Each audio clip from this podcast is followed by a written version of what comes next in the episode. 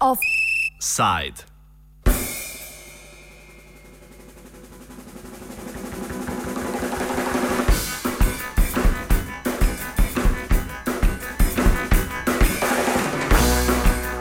V Rogaški Slatini poteka mednarodna konferenca o varnosti in novih mrežnih sistemih RISK 2015.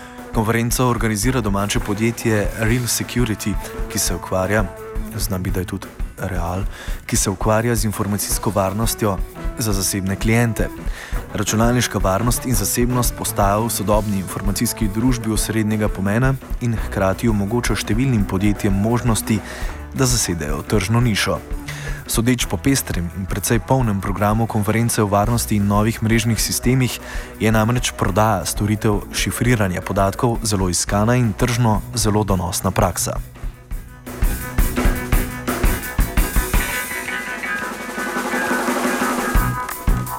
Žal, do zaključka naše redakcije nismo uspeli priklicati nikogar iz omenjenega podjetja, ki organizira konferenco RISK.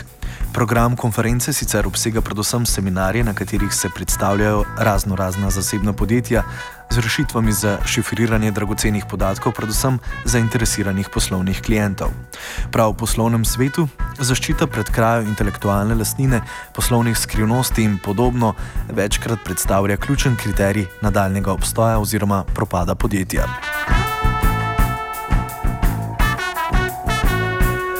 Sloveniji se je že pojavilo več prigod v dorih v informacijske sisteme. Vse to poraja številno vprašanje o stanju informacijske varnosti v Sloveniji. O varnosti osebnih in poslovnih podatkov v sodobnem informacijskem svetu smo se pogovarjali s strokovnjakom za varnostne protokole in kriptografijo Markom Helblom z Fakultete za elektrotehniko, računalništvo in informatiko. Zdaj, Slovenija v tem vidiku ne izstopa kaj dosti od ostalega sveta, se pravi, smo nekje uh, sorazmerno dobro tehnično varovani, je pa te, seveda težava v, zaradi drugih faktorjev, ki vplivajo na varnost v elektronskem poslovanju. Uh, zdaj, v medijih sicer veliko krat zasledimo, da je prišlo do nekih zlorab, ampak so te zlorabe ponovadi ravno posledice teh človeških napak.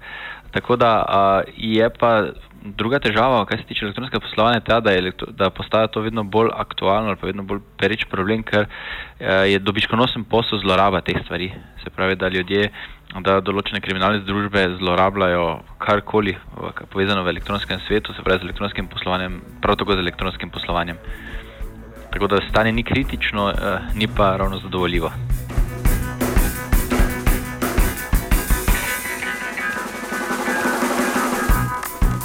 Na nezadovoljivost informacijskih varnostnih protokolov so pokazale že razne afere, ki so se pojavile v našem prostoru.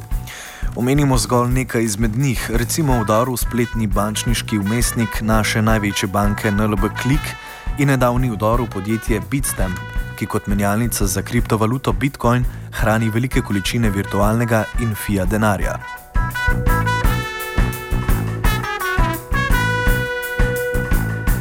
Velik del slabosti varnostnih sistemov nastane ravno zaradi njihove praktičnosti oziroma prijaznosti do uporabnikov.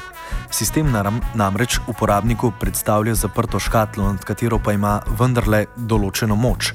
Več o tem pa Helbl. Zagotovo varnost in rečemo prijaznost do uporabnika ali pa praktičnost implementacije oziroma praktičnost uporabe so se gotovo diametralno nasprotno pojma. Se, če želimo stvar imeti bolj varno, je njena uporaba dosti težja kot obratno. Težijo pa danes vse te.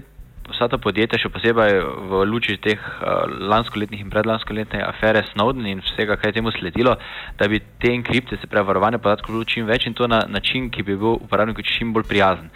S tem pa, ko je uporabniku čim bolj prijazen, pa seveda uporabnik mora zaradi tega, da to prijazno izgubiti en del kontrole. Se pravi, ni, ne ve točno, kako se stvar dogaja, kaj se točno v zadju dogaja, ker pač je to za njega uporabno in prijazno.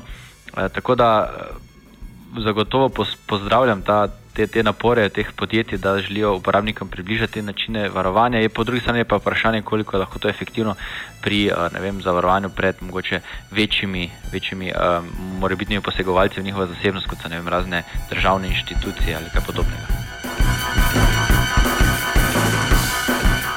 Največja nevarnost za uporabnika pa niso občasni vdori v informacijske sisteme podjetij, ki hranijo njihove osebne podatke, temveč razna podjetja, ki uporabnikom ponujajo brezplačno obliko, sicer praviloma precej drage programske opreme. Ta namreč pogosto črpa osebne podatke svojih uporabnikov in jih na trgu prodaja vsem zainteresiranim kupcem.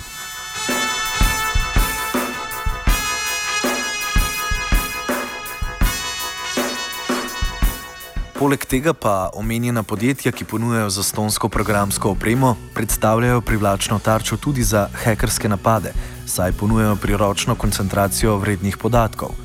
Glede na to, da se pojavljajo tudi zastonske oblike enkripcije podatkov, Helbl razloži, kako varni smo lahko pred zlorabo osebnih podatkov strani teh podjetij. To, to pa je stvar zaupanja v te podjetje oziroma organizacije.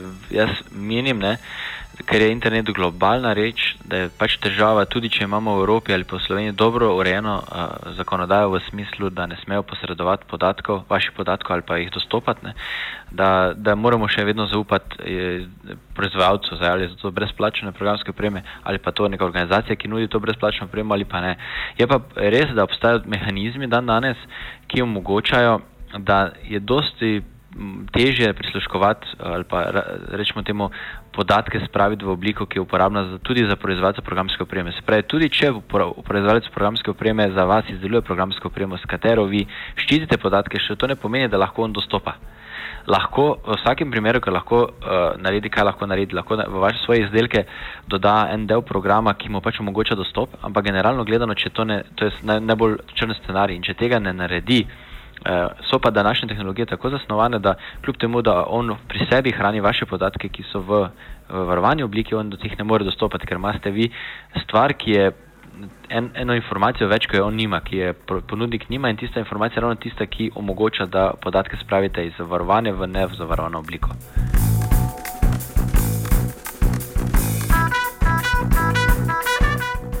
Treba izpostaviti, da obstajata dva modela ponudbe za stonske opreme, med katerima se pojavljajo obsežne razlike. Kot že omenjeno, si podjetja želijo dostopati do računalnikov uporabnikov in do njihovih osebnih navad. Potem podjetja uporabijo omenjene podatke za marsikaj, bodi si personalizirano obliko oglaševanja, ciljanje posebnih tržno zanimivih vzorcev posameznikov oziroma grupacij, bodi si prodajo omenjenih podatkov različnim zainteresiranim skupinam.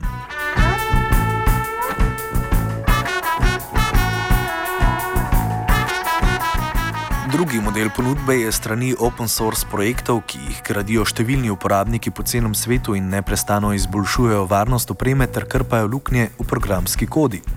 Posamezni razvijalci jih lahko tudi prilagodijo svojim potrebam in s tem izboljšajo varnost ali praktičnost informacijskega sistema.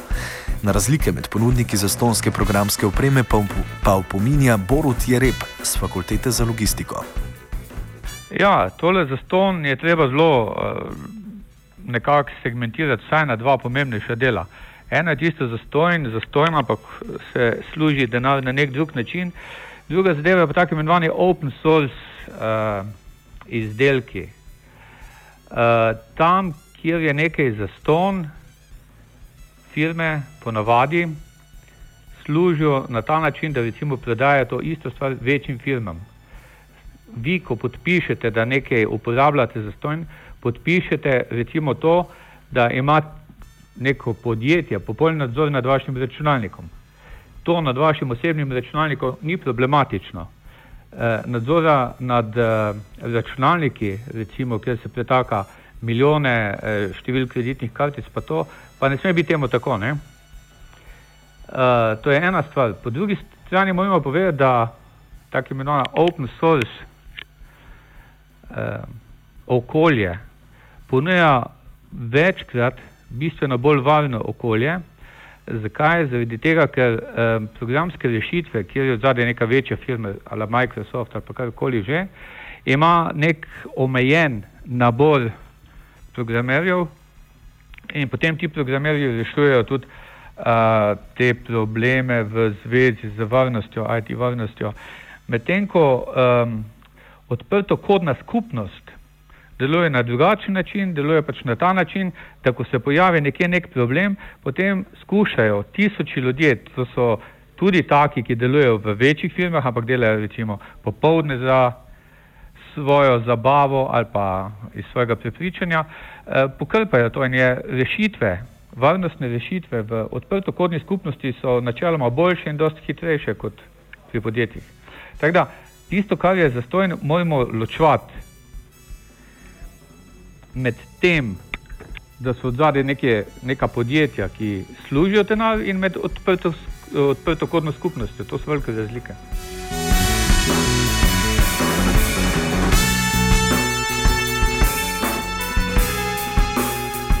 Offside je že posem samostojno pripravil vajenec Miha ob budnem očesu Kovača in Lutarja.